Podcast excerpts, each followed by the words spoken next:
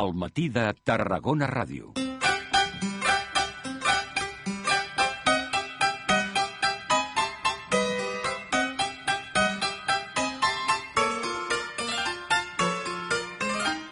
Ficció. Avui toca saludar el Mac Gerard. Mac, bon dia. Bon dia. Com estem? Molt bé, molt bé. De, Sí? de vacances. De vacances. I molt de Pasqua et veig, eh? Sí, no? Sí, sí, sí. Perquè sí. avui farem una cosa que té molt a veure amb l'època que estem dins de la màgia científica que la, la gent a casa seva podrà provar aquest cap de setmana. Uh, avisem ja del que farem, no? Fem una mica de Sí. sumari? Primer començarem amb la història de la màgia, que pas còmics que ha, ha donat la història de la màgia, que és el Tom Mullica. Després, dins de màgia científica, faquirisme amb ous. Faquirisme amb ous. No ho adelanto. Ous, faquirs, és aquest el punt de Setmana Santa que et Sí. deia jo. Bé, bé. Sí, sí, que va, en, ens anirà molt bé. I després, a les recomanacions màgiques, un llibre per iniciar-se dins del món de la màgia amb pròleg del David Copperfield. Molt bé, perfecte. Tenir una lectura ben màgica. I a més serà per, dies. per als qui no en tenim ni idea, no? Per començar. Exacte, per començar, però amb bon peu, eh? Molt bé. Doncs comença el Realitat o Ficció.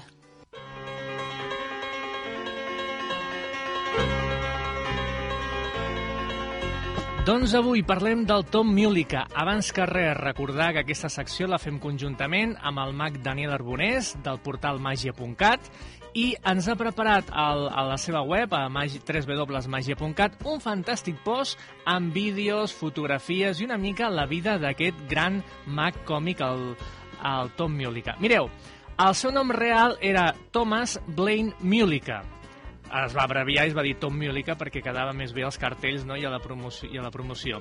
Als 5 anys, fixeu-vos bé, volia ser clown, volia, la, volia fer riure la gent. Però el Pare Noel, als Estats Units són més de Pare Noel que no de Reis, Sí. li van portar una caixa màgica. Mm, seria el Màgia Borràs, però d'Estats de, de, d'Estats Units, eh?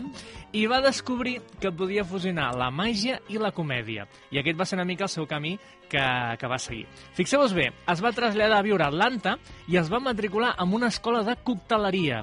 I diu, home, i això què té a veure amb la màgia? Doncs molt senzill, perquè posteriorment va obrir un club nocturn que es deia el Tom Fillery Magic Bar Theater. És a dir, en el que ell eh, en aquest club nocturn que la gent podia anar a prendre una, una, una copa, ell actuava cada nit diferent, fent diferents pas, passes i fent unes coses absolutament impressionants de màgia de propi d'escena.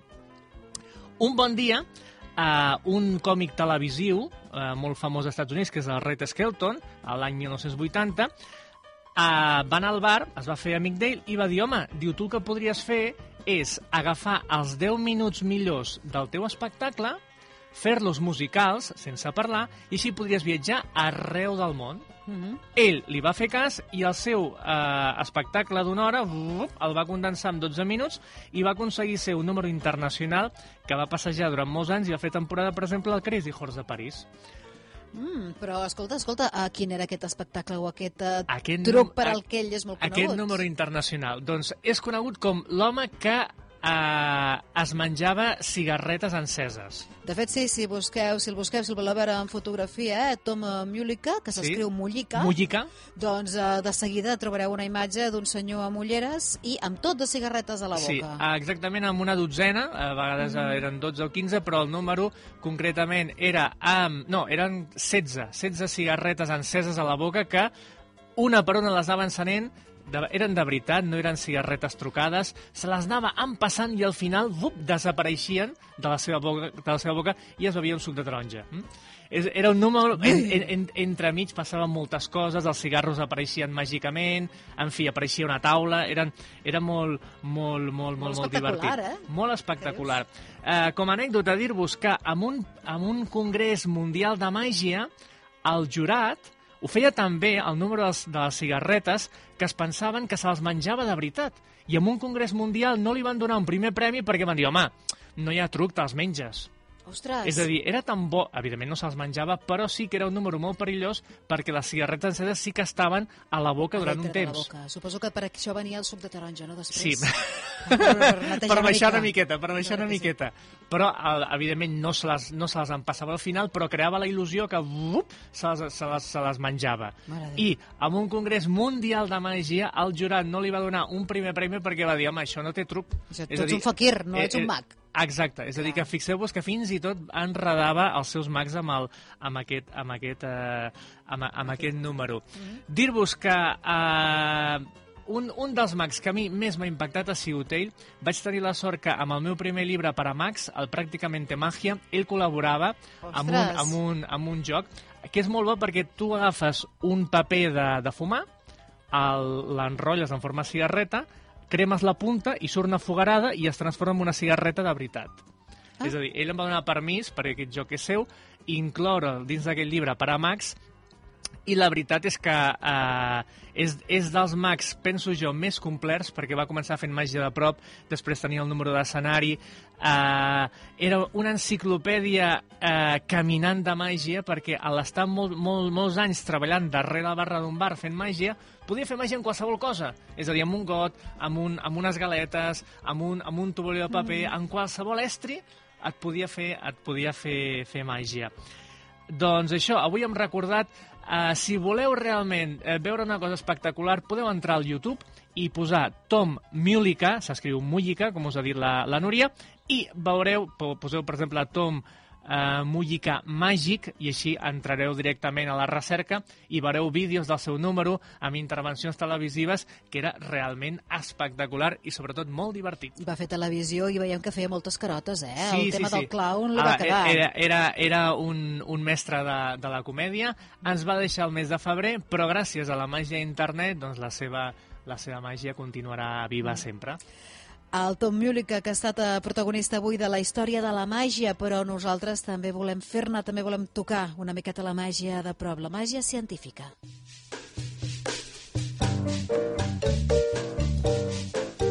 Mira, t'he portat una dotzena d'ous. Sí, Què doncs- faig? Fregits, al forn, no, al no, plato... no, no, no. En, eh, està bé, però necessitem com a mínim 3 o 4 dotzenes. I a més a què? més amb les seves oueres de cartró. Espera, què vol dir? Tres o quatre dotzenes és molt, eh? Sí, però és que el número és Uau! espectacular el que us proposo de, de, de fer. S'anomena faquirisme amb ous perquè el que farem és simular el que fan els faquirs amb el matalàs de claus. Sí. Però un matalàs de claus és perillós. Fa pupa. Sí, si surt sí, malament, sí. fa pupa.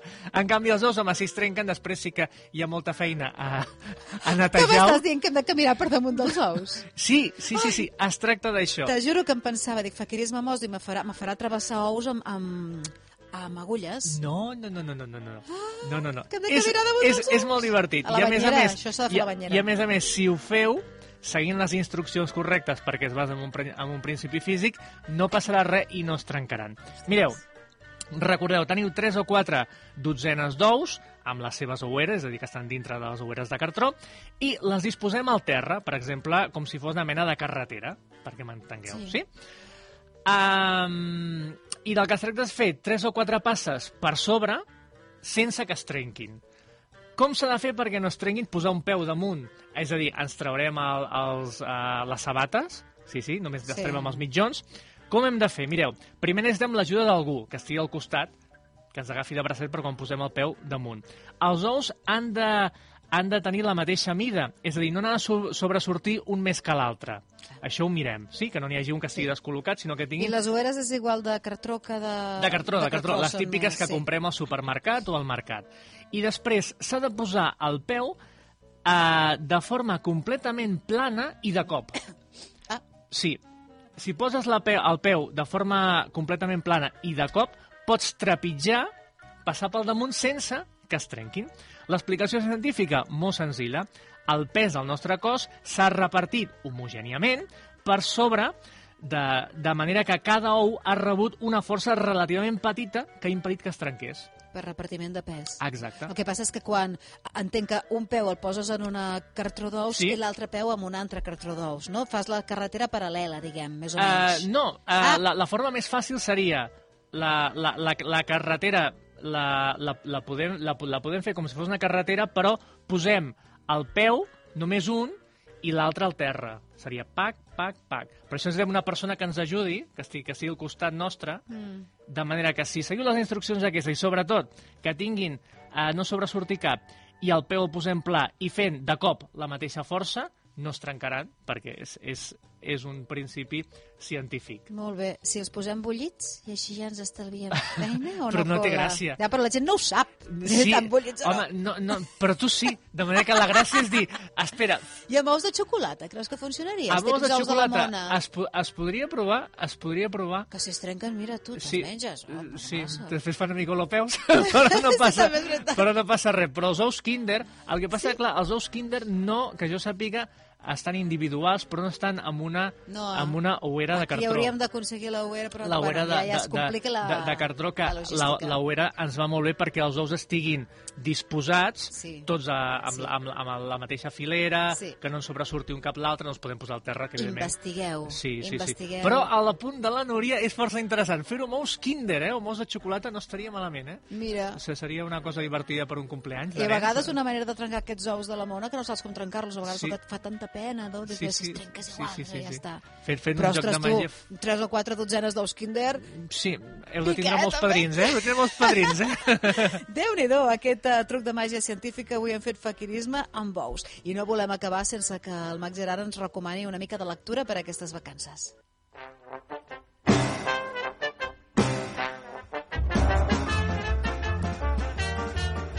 Molta gent sempre ens pregunta, a veure, eh, com puc aprendre a fer màgia? És a dir, no necessàriament, molta gent es vol dedicar professionalment a la màgia, però saber alguns jocs que siguin espectaculars per quedar bé amb la família, o a vegades eh, quan venen els, els amiguets de, del teu fill a casa, és mira, doncs puc fer un joc i així, doncs, o fins i tot, doncs, eh, ara la Setmana Santa, que eren uns dies de festa, doncs com poder preparar un espectacle de màgia en condicions. Us recomano un llibre que s'anomena Juegos de Magia, el nom és molt original. Bueno, és, és clar. Sí, però és que Va és d'això, és d'això, va, dire, va directe, no, no, no, no, no, no, no s'han trencat massa la closca. L'autor és el Richard Kaufman, és un mag i, a més a més, editor de llibres americà, i eh, la, la traducció és en castellà, de moment en català encara no el podem trobar, i té el pròleg del David Copperfield, aquest llibre. Mm. El podeu trobar a les llibreries, és a dir, que si aneu a, a qualsevol llibreria de la ciutat us el poden aconseguir i segurament el tindran a, amb estoc, perquè és un dels llibres eh, bons per aprendre màgia. Recordeu, Juegos de Màgia, del Richard Kaufman. Hm? I també el podeu trobar a grans superfícies, eh, com Casa del Llibre, FNAC, etc. també també el venen. Què podeu trobar en aquest llibre? Doncs mireu, podeu trobar eh, jocs per fer de màgia de prop, de sobretaula, és a dir, amb monedes, monedes que són capaces d'atrevessar la taula. Una taula Sí, sòlida de fusta, poden Sí. plup, anar atrevessant, Ah, sí? podeu crear la il·lusió. Podeu fer màgia de mentalisme, és a dir, encertar què és el que està pensant una persona sense que us doni cap mena de pista. O podeu fer que una carta viatgi a l'interior d'una fruita. Mm. Aquestes són algunes de les coses que ens explica el Richard Kaufman i està molt bé perquè us explica el, eh, diguem, el secret, el mètode senzill, sí. però després potser veureu el mateix joc amb un altre mag, un mag professional, amb un espectacle, i ho farà d'una altra manera, de manera que us deixarà completament bocabadat. clar, que serà el mateix truc, però com ha A- canviat. Exacte, és a dir, l'efecte serà el mateix o millor amb un altre mètode diferent, de Mm. manera que tu sabràs la versió 1.0, però el Mac professional fa servir la 5.0 Clar. i a més a més passen moltes més coses i dius, ostres, jo sabia la versió senzilleta però m'ha deixat bocabadat. És a dir, que tampoc no us penseu que per eh, llegir un llibre de màgia com aquest us trencarà la il·lusió i quan veieu un mag direu, bah, això ja ho sé. No, no, la gràcia de la màgia és que sempre els mags estem eh, innovant i a més a més perfeccionant els jocs perquè cada vegada siguin més impressionants. I a partir de quina edat diries que, que el podem recomanar? Doncs a veure, aquest és un llibre a partir de 7-8 anys. Si teniu nens més petits per casa, és un llibre que el podeu llegir en família, que està molt bé que els pares el poden, el poden llegir. Uh, a més a més està molt ben il·lustrat, hi ha moltíssimes fotografies, visualment és molt atractiu i el podeu llegir conjuntament que és una tasca de que el uh, pare fill o pare filla aneu, o la mare aneu, aneu llegint al mateix temps i aneu provant, és a dir, si, si, si us diu, mira, necessitem quatre monedes, d'acord, necessitem a més a més doncs, un got, doncs agafem el got, necessitem a més a més una bossa de paper, doncs anem a buscar la bossa de paper. És una activitat conjunta eh, molt divertida per fer en família i a més a més t'explica eh, una mica doncs, eh, que no has de repetir el mateix joc davant del mateix públic, que si no eh, et podrien eh, veure per on va la trampa, no has de dir mai el secret, per conservar la, la il·lusió, no? És a dir, que està molt ben estructurat i està dirigit a que qualsevol persona que vulgui començar en el món de la màgia ho faci amb bon peu. Molt bé, doncs avui us hem recomanat aquesta lectura a Juegos de Magia. Juegos de Màgia de Richard Kaufman amb pròleg de ni més ni menys que el David Copperfield. Si us recomana el mestre David Copperfield és que el llibre doncs, és, és, És de fiar. és de fiar i està, i està molt bé. Em queden dos minutets? Sí, sí, perquè ens has de donar una boníssima notícia que ja ampliarem quan toqui. Exacte, sí, molt, molt aviat, en breu, a un parell de setmanes. Arriba l'onzena edició del Festival Internacional Impossible a la Canonja i arriba carregat de- d'espectacles, que això serà el cap de setmana, ja us ho podeu reservar a l'agenda, del 8, 9 i 10 d'abril l'impossible. Ah, hi haurà una gala internacional en què participaran els mags més destacats, i això serà el 8. Al 9 hi haurà, per exemple, la Sara Escudero, que és una monologuista que actualment està amb un programa que es diu Zapeando de la Sexta i a més a més participa en programes de ràdio, escrius llibres, és a dir que si esteu una mica eh, al dia dels monòlegs i us agraden, la Sara Escudero segur que sabeu qui és. Doncs vindrà per primer cop amb un espectacle que, la, que el presenten a Catalunya per primer cop juntament amb un mag que es diu Miguelillo i s'anomena Vaya par de dos perquè fusionen la màgia amb els monòlegs. És una cosa molt, molt original, perquè sí que hi ha espectacles de monòlegs o de màgia, però un espectacle que fusioni les dues coses i que el monologuista i el mag, la monologuista en aquest cas i el Sí. mag, al final facin màgia tots dos, doncs és una cosa inèdita i que podreu veure el 9 d'abril a la Canonja. És a dir, que molt Val. aviat ja us anirem informant de com podeu comprar les entrades i tot el programa del festival. Ja ha passat un any. Ja ha passat un any, eh? Passa, passa el temps volant, però continuem igual de joves i guapos. És gràcies a la màgia. Gràcies a la màgia. I només per acabar, 10 segons, 10 segons em queden. Tranquil, tranquil, hasta dos minuts, vinga, va. Dos minuts, vinga, va. amb, un ja acabo, ja ho, ja ho podré arrodonir. Doncs si voleu contractar un espectacle de màgia, doncs ho podeu fer a través de la web www.teatremàgic.es i ells us informaran doncs, si, voleu, si és un ajuntament i vol un espectacle per la festa major o és un o imagina't que us caseu i diu, home, voldríem un mag super fantàstic que al pica-pica ens, ens deixi bocabadats als, als nostres convidats, doncs també us ho poden oferir. Molt bé. Sí, és que mira, ens ha sobrat un minutet Sí, i tot, l'he fet eh? desaparèixer. Mac Gerard, moltíssimes gràcies. Ens veiem a començaments d'abril, això vol dir abans potser del que tocaria, Exacte. perquè justament el cap de setmana del 8 8, 9 i 10 arriba- d'abril i a més a més, màgicament regalarem invitacions. La gent que, Sí? la gent que vulgui venir a espectacles familiars amb la família, a la Canonja que està aquí mateix, podran gaudir i a Tarrona Ràdio en exclusiva regalarem invitacions. Hola, doncs mira, si ja us voleu apuntar la data, eh, per confirmar que ara queden dies, però en principi el dia 6 d'abril, dimecres 6 d'abril a la 1 ens tornem a trobar aquí amb el Mac Gerard ja per parlar íntegrament de l'impossible. Molt bé. Gràcies. Adéu-siau.